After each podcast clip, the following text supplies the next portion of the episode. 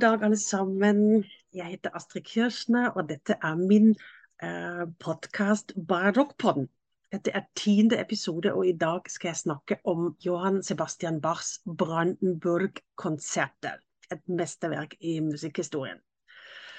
Um, og som vanlig har jeg laget for dere også en spilleliste med um, Brandenburg-konsertene i forskjellige innspillinger, så dere kan lytte litt uh, gjennom dem etterpå, eller simultant, eller hvordan dere ønsker det. Men altså Brandenburg-konsertene. Uh, Forhistorien til, til disse konsertene starter i året 1717, og da er Johan Sebastian Bach 32 år gammel, og han jobber nå i Køten. Dette er altså før hans eh, tid som Thomas-kantor i Leipzig. Eh, her i Køten jobber han ved hoffet til fyrst Leopold von Anhalt-Køten. Og Bachs eh, arbeidstittel der er eh, kapellmeister og direktør der kammermusikken. Så han er altså, har ingen kirkejobb, men han er altså ansatt um, han har et orkester da, han er på en måte direktør til dette orkesteret. Han har en fantastisk kapelle med 17 musikere til rådighet. Åtte av dem er så gode at de har soliststatus, de har solistkvalitet. Um, og fyrsten holder ellers også uh, et reformert hoff, altså reformert i, i Luthers ånd. Og derfor skulle alle gudstjenestene eh, bli holdt nokså enkelt, i motsetning til Leipzig senere, hvor han eh, har sjanse til å skrive eh, nokså overdådig kirkemusikk. Eh, det hadde han ikke i Køten. Vi vet for så vidt om noen bursdagskantater, nyttårskantater osv., men kirkekantater fra Køtentiden har vi ikke, også om det selvfølgelig kan ha gått en del tapt der også. Men I denne tiden skriver han desto mer instrumentalmusikk. Dette er den store tiden av instrumentalmusikk i Køten. Das wohltemperierte klavier, det fins fiolinsonater, partiter, cellosuitene, franske suiter fra cembalo osv. osv. Det er en lang, lang rekke av fantastisk instrumentalmusikk. Og fyrsten stiller også med veldig gode instrumenter til musikerne. Og i 1719 sender han altså Bach til Berlin, eh, for da får han lov å kjøpe seg et nytt cembalo på fyrstens regning. Og her starter forhistorien til disse Brandenburg-konsertene, for her i Berlin ble Bach kjent med den musikkelskende markgreve Christian Ludwig fra Brandenburg. Og han, markgreven, hadde nok ingen anelse at han skulle bli den personen som et av musikkhistoriens mest kjente verk eh, skulle bli dedikert til, nemlig Bachs Brandenburg-konserter. Eh, som ikke het dette opprinnelig i det hele tatt. Det navnet fikk konsertene først seint på 1800-tallet, da verket ble gjenoppdaget i et bibliotek i Berlin og utgitt på trykk. Og mange vet kanskje ikke at Brandenburg dette er i dag, og var den gang allerede òg. Eh, I dag altså, er det en tysk delstat, eh, nemlig den som går rundt eh, Berlin i ganske stor radius. Berlin er ikke inkludert der, for Berlin er en egen delstat i dag. Og Brandenburg grenser altså helt til Polen i øst, så det er en ganske stor, um, et stort område. Og Brandenburg-konsertene er en serie av seks konserter, og hver eneste er et helt unikt mesterverk som ikke ligner på noe annet, verken før eller etter. Og hver eneste konsert har forskjellig antall solister. Noen har mange, noen har få. Det fins noen med blåsere og strykere, noen med bare strykere, og, og i kombinasjoner. Det skal vi se litt etterpå. Uh, etterpå. Eh, det er litt pussig at eh, Bach møter Markgreven allerede i 1719, eh, men han sendte ham notene til disse Brandenburg-konsertene først i 1721, altså to år senere så hva skjedde i mellomtiden? Tok det så lang tid å skrive det, eller hva, hva var grunnen til det? Um, det vi vet nå, eller vi tror da, at dette det hele var en slags søknadsmappe av Bach. Han søkte om en, kanskje en ny stilling med, eh, hos markgreven i Berlin. Han hadde nemlig da begynt å se seg om etter andre jobber. Uh, siden hans første Leopold i Køten begynte å miste sitt, uh, sin musikkinteresse etter hvert, så her viser Bach altså fram et bredt spekter av sitt store komposisjonstalent. Han viser fram ukonvensjonelle ideer, eh, spesielle besetninger, som f.eks. en veldig lang, lang, lang lang cembalo-kadans i femte konserten. Jeg skal se på det etterpå. Um, og dette partituret er da sendt til, eh, til, Berlin i hans peneste penskrift. Fantastisk fint å se på. Eh, Bach-forskeren Christoph Wolff han mener at eh, Brandenburg-konsertene kanskje har blitt skrevet en del tidligere allerede. Kanskje de har blitt så tidlig som i Bachs Weimar-tid, altså før Køten. Og det virker som om Bach har satt sammen en mappe med seks konserter av eh, stoff, musikalsk stoff han allerede hadde. I hvert fall har vi ingen Vi har ikke noe dokumentasjon av et takkebrev av Mark Greven, og vi vet heller ikke om Eh, disse konsertene overhodet ble framført. Vi vet ikke om han egentlig overhodet har åpnet notebunken. Det er bare etter grevens død så ble manuskriptene til disse mesterverkene funnet i en større mappe med 166 konserter. Det står bare på de ble dokumentert eller katalogisert som konserter uten at Bachs navn var registrert noe sted det hele tatt. Og når man ser litt på det partituret, så er det litt rart for oss å lese Bachs ekstremt underdanig dedikasjon til greven. Han eh, tiltaler ham som eh, kongelig høyhet, og han snakker om seg selv som den underdanigste tjeneren. Og eh, han minner ham om eh, at hans egen eh, egen, jeg siterer, eh, mine små talenter som himmelen har gitt meg for musikken, har gledet greven i Berlin to år siden. Um, også om dette var en viss, til en viss grad sånn skikk og bruk på 1700-tallet å snakke seg selv så veldig ned. Det ser man på i mange andre partiturer også. Så er det kanskje gjør litt vondt å lese dette i dag, uh, hvor han snakker seg voldsomt uh, ned her. For det han leverer, er absolutt det mesterverk. Um, forresten er Brandenburg-konsertene datert til 24. mars 1721.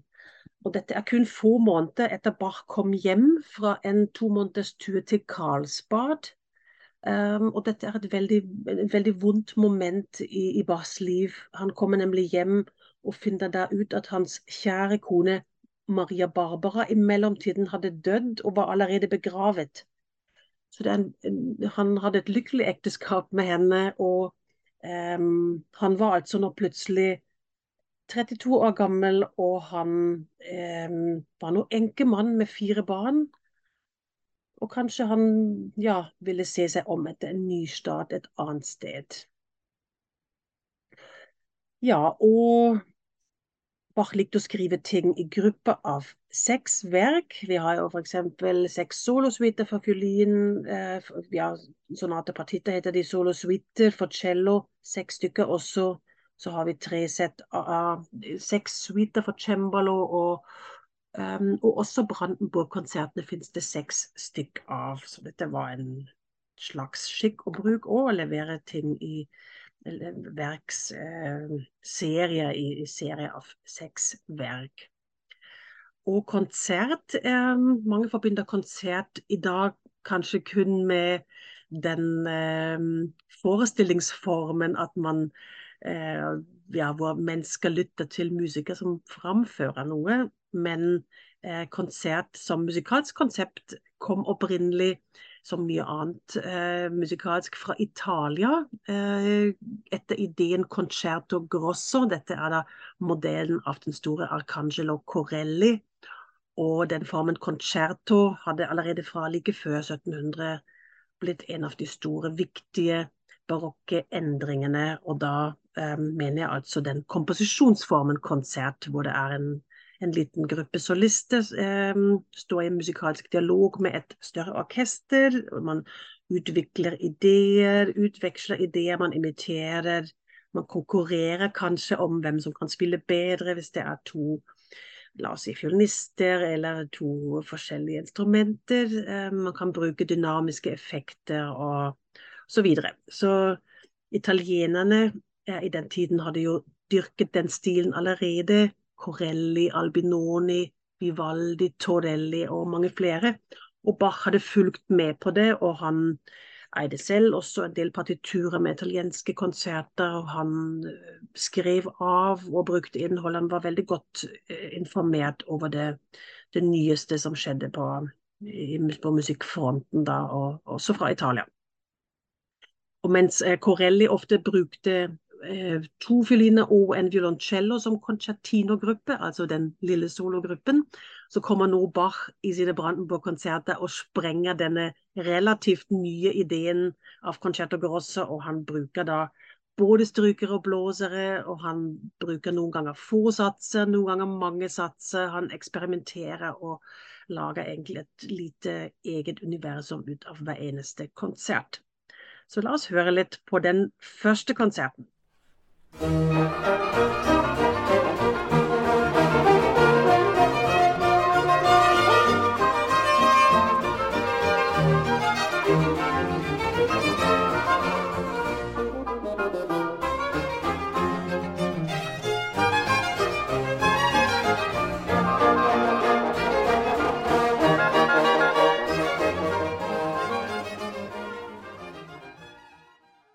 starter her ganske overdådig med mange uvanlige instrumenter satt sammen. Kanskje det har litt outdoor-preg. Um, og det brukes jo også instrumenter som brukes til jakt. Så her er det to hån med. Og hvorfor, uh, hvorfor jakt? Hvorfor hån? Eh, jakt var jo et populært tidsfordriv for adelen. Og det var adelen som hadde rett, eh, retten til jakt. Så dette kanskje skulle fange grevens oppmerksomhet rett fra staten med en av eh, hans favorittsysler. Og første satsen er også faktisk recyclet fra en tidligere komponert jaktkantate til Bach. Um, og de andre soloinstrumentene er en violino piccolo, som er en, stemt en ters høyere enn vanlig. Så har vi tre oboer og en fagott. Uh, ja, Seinere brukte Bach ofte ikke lenger tre oboer, man brukte to oboer og obo da caccia, men dette var kanskje før den Dakacha-tiden, egentlig. Men lytt her litt ekstra på hornstemmene. Det virker som om de spiller sine egne stemmer uten å bry seg om de andre instrumentene. Um, så er det litt sånn ganske kul multirytmikk der ute og går også. Det er trioler mot 16 deler. Hør på dette.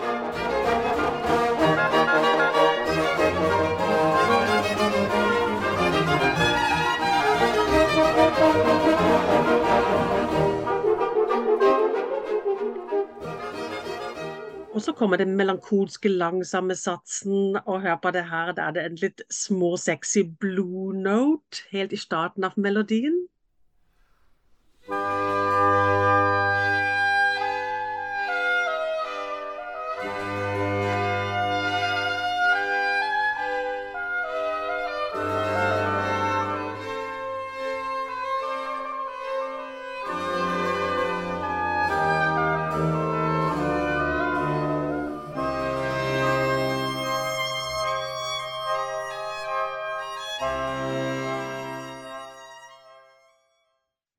Ja da, I love it. Alle instrumenter får den sjansen å spille den her. Og I eh, tredje satsen fortsetter da jaktstemningen fra første sats med godt humør.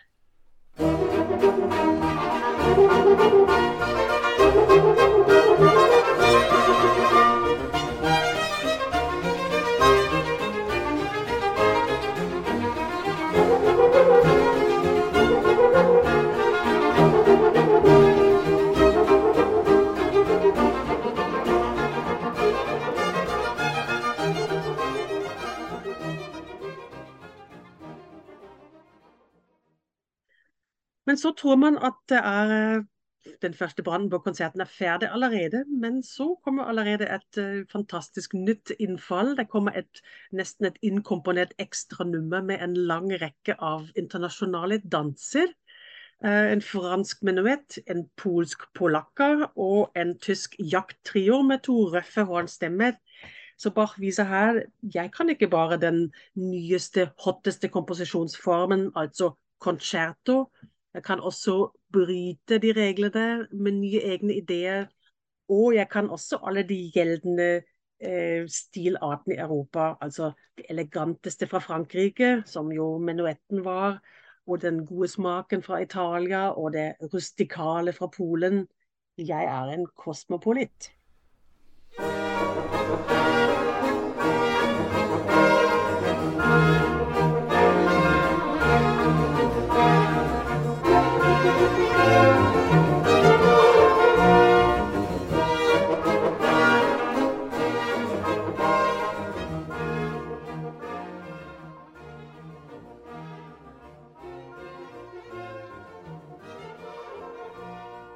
Den fantastiske andre konserten Brandenburg-konsertene er i dag en av barokkmusikkens mest kjente konserter, og den bruker fire høye instrumenter som soloinstrumenter. Eh, den bruker trompet, fiolin, obo og blokkfløyte.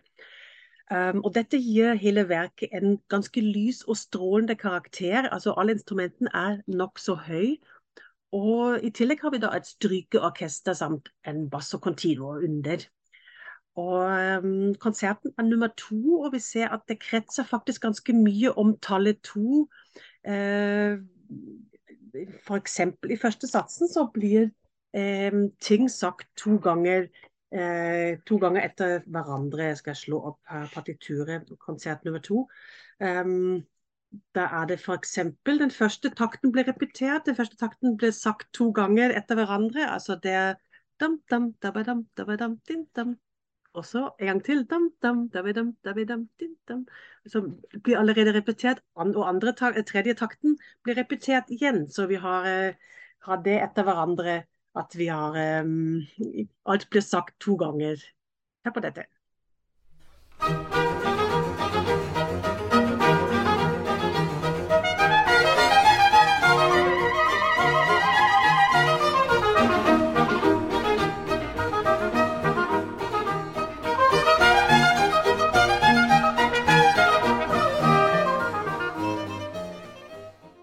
Så presenterer instrumentene seg etter tur. Her ser vi hvordan en vennlig konkurranse mellom instrumentene kan se ut. Og forresten, dette er også et kjent horrorparti for trompeten. Det har vært ganske mange diskusjoner rundt hva slags trompet Bach har brukt, og hvem som kan ha spilt dette vanskelige partiet.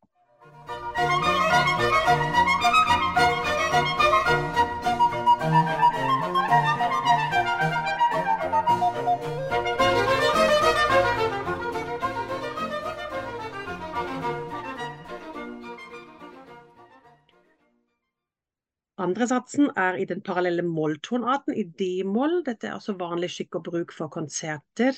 Um, og her brukes kun fiolin, obo og blokkfløyten, så trompetene tar en pause. Og hvorfor skjer det? Jo, um, en grunn kan være at trompeten med sine naturtoner har selvsagt begrensninger. Den har jo ikke alle toner eh, kromatisk tilgjengelig som en eh, fiolin f.eks. har. Um, eller kanskje han måtte bare Trompeten måtte hvile seg litt mellom de to vanskelige satsene. Så i andre satsen har vi altså kun tre soloinstrumenter, og så har vi en fin walking, uh, walking base under. da. Og her går det mye i vakre sukk og mye melankoli.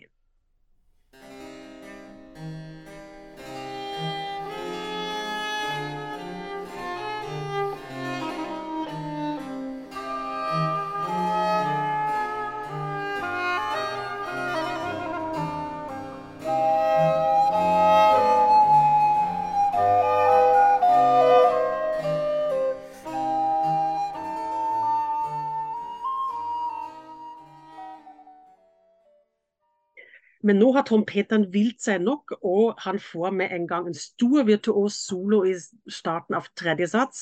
Den heter Allegro Assai, og det er en kjapp tempobetegnelse.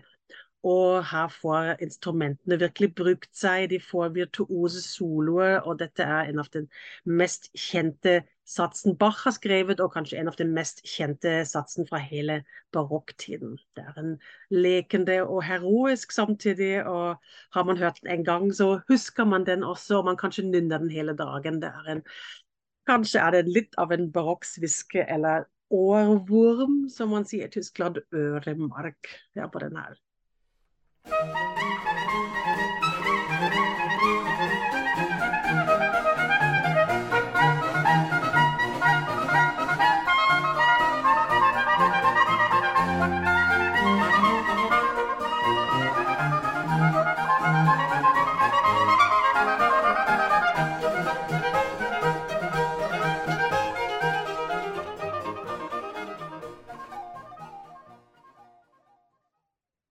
er vi over til tredje konserten. Og den tredje konserten er en skikkelig virtuos italiensk konsert. Nå er det kun strykere og basso continuo, altså ingen blåsere er med. Og alt er rundt tallet tre her. Vi har tre ganger tre instrumenter, altså tre fioliner, tre bratsjer og tre violoncelli også. Det er en skikkelig luksus. Tre violonceller, hvorfor har han dem egentlig med?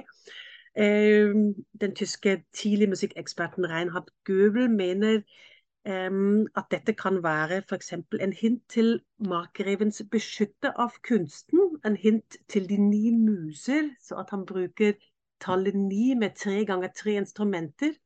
Og I gresk mytologi var de ni musene døtre av Saus, og de skulle eh, beskytte kunstene som dans og diktning og tragedien, lyrikken osv.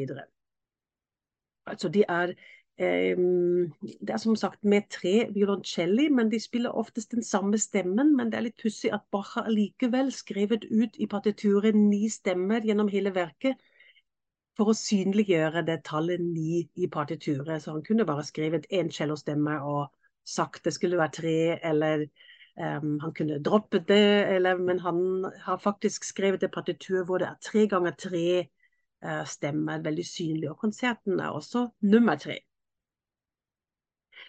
Um, den består egentlig kun av to satser, for den langsomme satsen midt imellom de, de, to satsene består kun av to akkorder. Den kan vel ikke telles som en egen ordentlig sats. Um, og den konserten er altså full av energi og livsglede, og Bach viser at han kan virkelig skrive italiensk musikk, han også.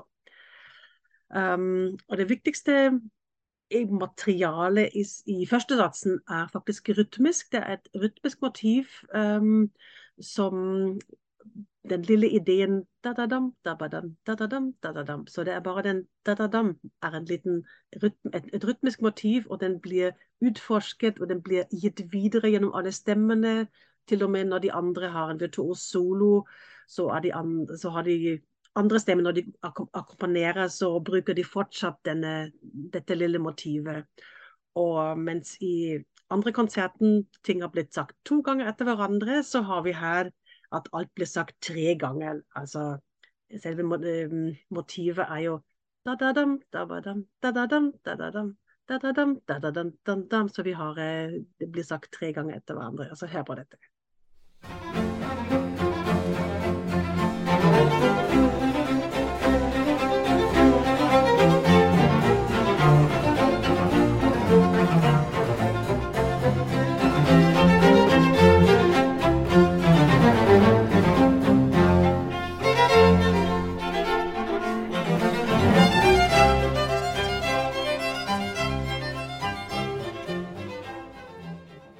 Satsen er en morsom skik, og som skiker går eh, i dansen det seks åttendel, ni åttendel eller tolv åttendels takt. Og her er det altså en tolv åttendels takt. Og eh, den raser og danser av gårde i skalaer, i arpeggioer. Og um, nå er det formal. Formell er den en, en AABB, altså det er en repetisjonssats.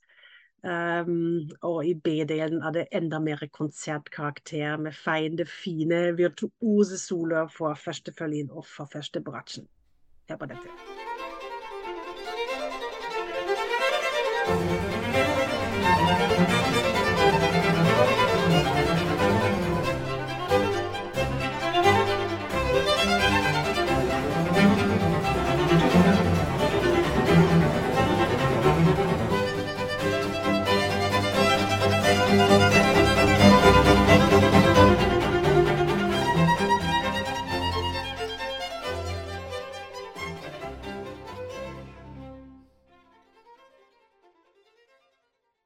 Over til fjerde konserten, og her er besetningen eh, en solofiolin og to blokkfløyter. Og så har vi et, eh, et orkester, eh, et strykeorkester og basso continuo i tillegg.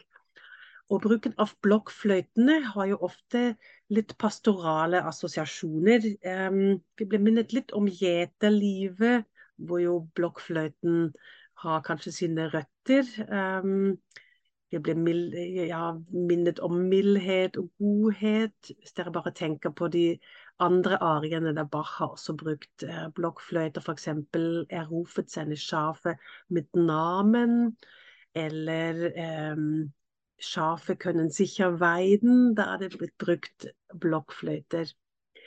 Og her i den Brandenburg-konserten er det konsekvent en konkurranse, eller la oss si en livlig diskusjon mellom de to blokkfløytene og solofiolinen. Kanskje befinner, vi befinner oss i et pastoralt miljø nå, eller kanskje til og med en antikk myte i en konkurranse mellom Føbos, som kunne vært fiolinen, og Pan, som symboliserer de to fløytene. Eller eh, i historien om Echo og Narcis. Og pussig nok så kaller Bach også de to fløytene som ekkofløyter, og ofte har de en ekkofunksjon her. Og det har vært mye diskusjon om hva slags fløyter han egentlig har tenkt seg her. Men egentlig er dette også en ganske heftig fiolinkonsert som har noen av de mest virtuose innslagene av hele barokklitteraturen. Så det er eh, Jeg vet ikke, kanskje det er en slags kombinasjon av en virtuos fiolinkonsert og en concerto grosso? Jeg vet ikke. Hør på dette.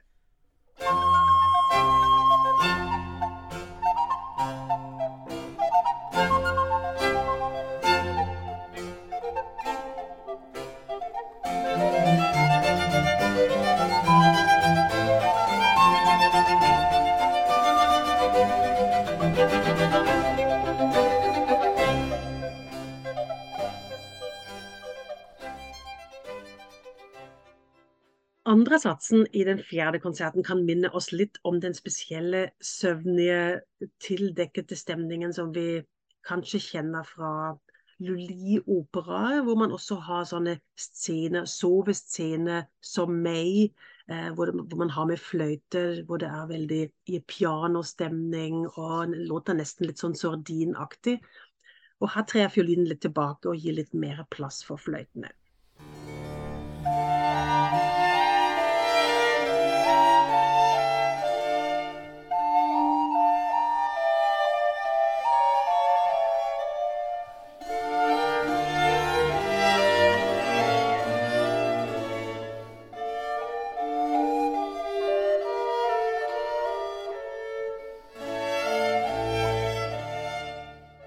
Vi kan jo spekulere hvilke fløyter Bach hadde i bakhodet med sine ekkofløyter. Um, kanskje han med ekkofløyter han har ment plasseringene av fløytene i rommet som et ekko?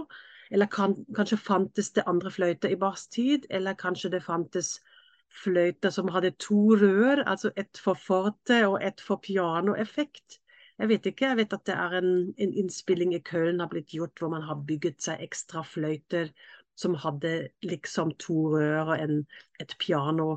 Eh, et pianorør, litt sånn slags dobbeltfløyte, hvor man kunne spille um, med en ja, ekkoeffekt. Og siste satsen, presto, er en fantastisk fin femstemt fuge.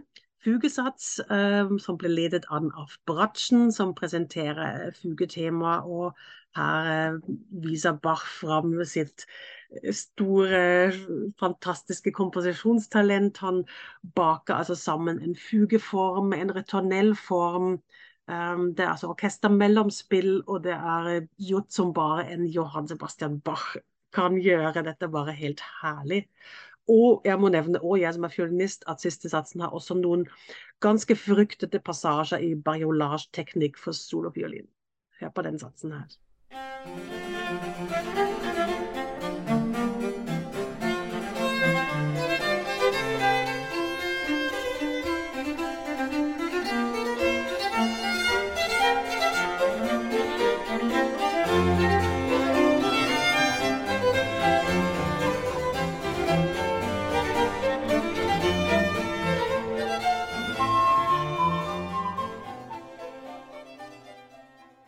Ja, og da har vi kommet til femte Brandenburg-konserten, og den er egentlig en liten milepæl. Eh, det er nemlig den første konserten som bruker en cembalo, en cembalist, som solist. Egentlig er jo cembalisten det ultimate limet i en basso continuo-seksjon, altså det er de som akkompagnerer. Og nå stepper han eller hun opp som solist. Det er altså et stort moment. Um, eller vi kan kanskje kalle det enda mer avansert. Det virker som om det om cembaloen starter faktisk først som likeverdig partner sammen med en fiolin og en traversfløyte. Det er de andre solinstrumentene i, i den femte Brandenburgeren.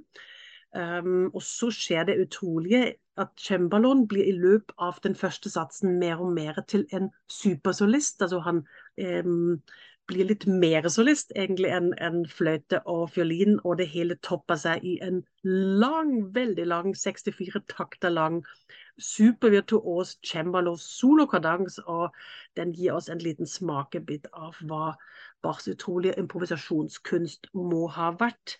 Den er altså veldig lang, sprenger alle rammer og lar altså de andre to solistene stå der og må vente på, på eh, cembalisten. Men han finner allikevel veien helt elegant og rolig tilbake til satsens tematiske material. Og, Eh, men allikevel gjelder denne kanskje som musikkhistoriens første cembalo-konsert. Og den blir spilt mye i dagens konsertliv, men allikevel jeg vil tro at det er vanskelig å forestille seg i dag den overraskelse det, det måtte ha vært å høre og se denne konserten med den store cembalo-kadansen og den eh, ja, emansipasjonen og den, eh, den eh, ja, den kadansen første gang i, i musikkhistorien. Forresten er det også eneste konserten av de seks konsertene hvor Bach også bruker besifring i sin cembalo-stemme. Um, samtidig kan vi jo huske òg uh, Bach var jo i Berlin opprinnelig for å kjøpe seg et cembalo da han møtte greven. Og dette kan være en sånn slags takk for sist til greven samtidig. For greven selv var forresten også cembalist, så han kanskje Jeg vet ikke om han var god nok til å spille dette krevende partiet. Um, men vi vet han var cembalist i hans etterlatenskap. Etter hans død ble det f.eks. funnet to cembali i, um, hos ham, og også 20 notestativer. Dette var da interessant, så der var det kanskje en del musisering som ble gjort.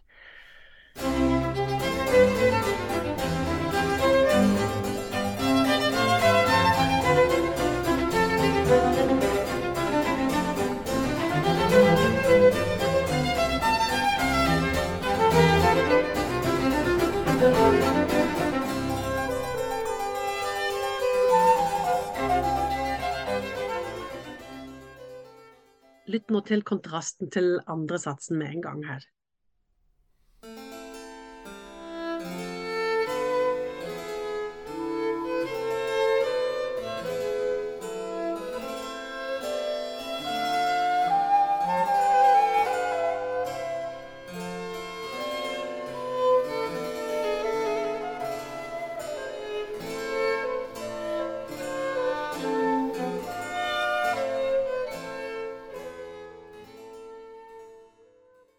Vi altså en triosonate. Cembalistens høyre hånd er den tredje stemmen.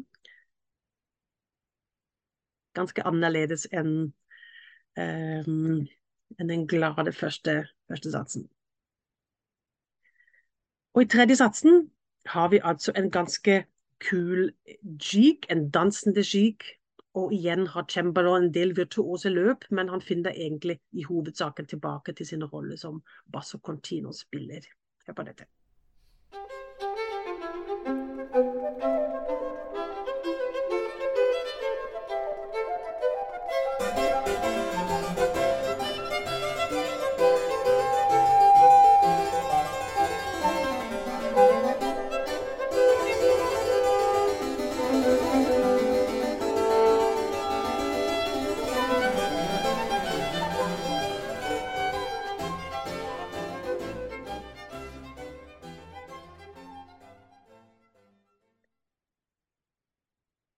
Og her kan jeg også nevne igjen, jeg sa det i starten allerede, at um, jeg har laget for dere en spilleliste for denne, barok, eh, denne podkasten Barokkpodden. Og um, til denne tiende episoden har jeg laget flere um, fine versjoner av Brandenburg-konserten etter hverandre. Og jeg håper jeg kan kose dere der også, og lytte litt på dem. Og um, husk gjerne også å gi meg noen hyggelige stjerner på Spotify. Da blir jeg glad, og det fører til nemlig at podkasten kommer litt høyere opp på søkelisten når andre nerder leter litt etter klassisk musikkinnhold. Da eh, takker jeg for hjelpen. Men vi har en konsert til. Det er den sjette og siste Brandenburg-konserten, som er litt spesiell. Den har to bratsjer som soloinstrumenter. Bach kaller dem viola da braccia.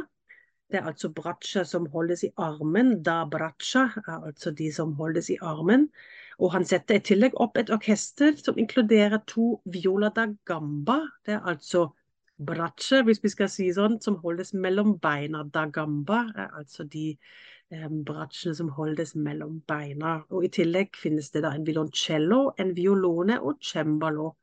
Og i dette partituret er det seks linjer, og dette er den sjette konserten. Så her altså kretser en del rundt tallet seks. Instrumentkombinasjonen til den sjette konserten er litt spesiell, fordi hele klangregisteret er dermed ganske dypt. Den er litt mørkt. Um, vi har jo ikke et uh, fiolinregister der med i det hele tatt. og Alt spiller litt i samme område. altså Bratsjene og gambene dekker omtrent samme toneomfang. Um, så vi har ikke med noe høyt instrument i det hele tatt. Uh, instrumentet viola da gamba er jo fortsatt brukt av Bach, men vi må kanskje si at storhetstiden til gamben var på dette tidspunktet egentlig snart forbi, og, og bruken i 1721 signaliserer kanskje noe litt gammeldags, litt eksotisk i en konsertsammenheng. Eh, vi ser det også at eh, alltid de momentene hvor, hvor, Bach bruker gambe, så er det det er ikke tilfeldig. Han bruker det ofte som en spesielt statement. Um, men samtidig var gambe også et aristokratisk instrument, et rich man's instrument. Uh, ja, på den andre siden er jo gambestemmen til den sjette konserten kanskje for ubetydelig. Det er ikke et soloinstrument, det er et kompeinstrument her. Kompe, altså stemmen er litt mer en kompestemme, så den er kanskje for ubetydelig for å tilby den eh, til, um, til, greven. Eller kanskje hans, hans eh, arbeidsgiver i Køten, prins Leopold, var nettopp en glad amatør, så denne stemmen passet kanskje til, til um, prinsens begrensede ferdigheter. Det er mange spørsmål, vi vet ikke det. Men altså, den første besatsen er for to solobratsjer, og den preges av en veldig hurtig, jagende kanon. Det er eh, kun to sekstendelers eh, eh, to sekstendeler forskjell i de innsatsene, og den ene jager den andre. Altså den andre bratsjisten repeterer hva den første har sagt, og eh, de andre instrumentene pulserer egentlig i bakgrunnen til denne kanon. Litt av dette, En litt lignende stemning har vi kanskje også i siste satsen av Bachs dobbeltkonsert for to fioliner. Men hør altså nå på den sjette konserten med to bratsje som soloinstrument her.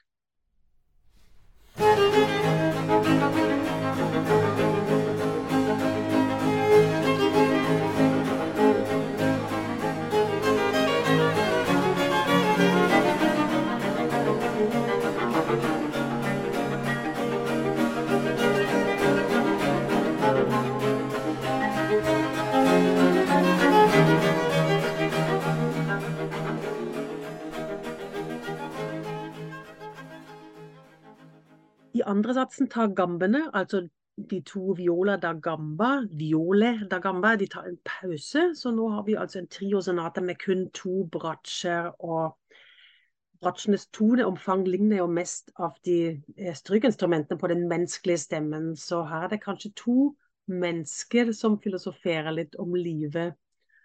Ja, det syns i hvert fall jeg, men kanskje interpreterer litt for mye inn i det som ikke er der. Jeg vet ikke. Hør selv her. Thank you.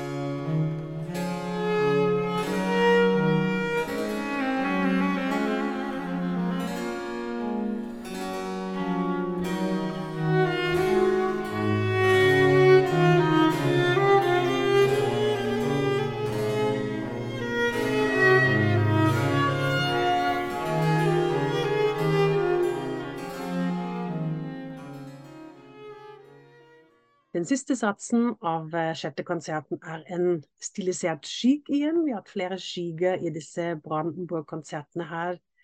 Uh, den er i tolv åttendelstakt igjen, den er litt rustikalt, og så har det ganske kule synkoper som grover fram eh, i bratsjene.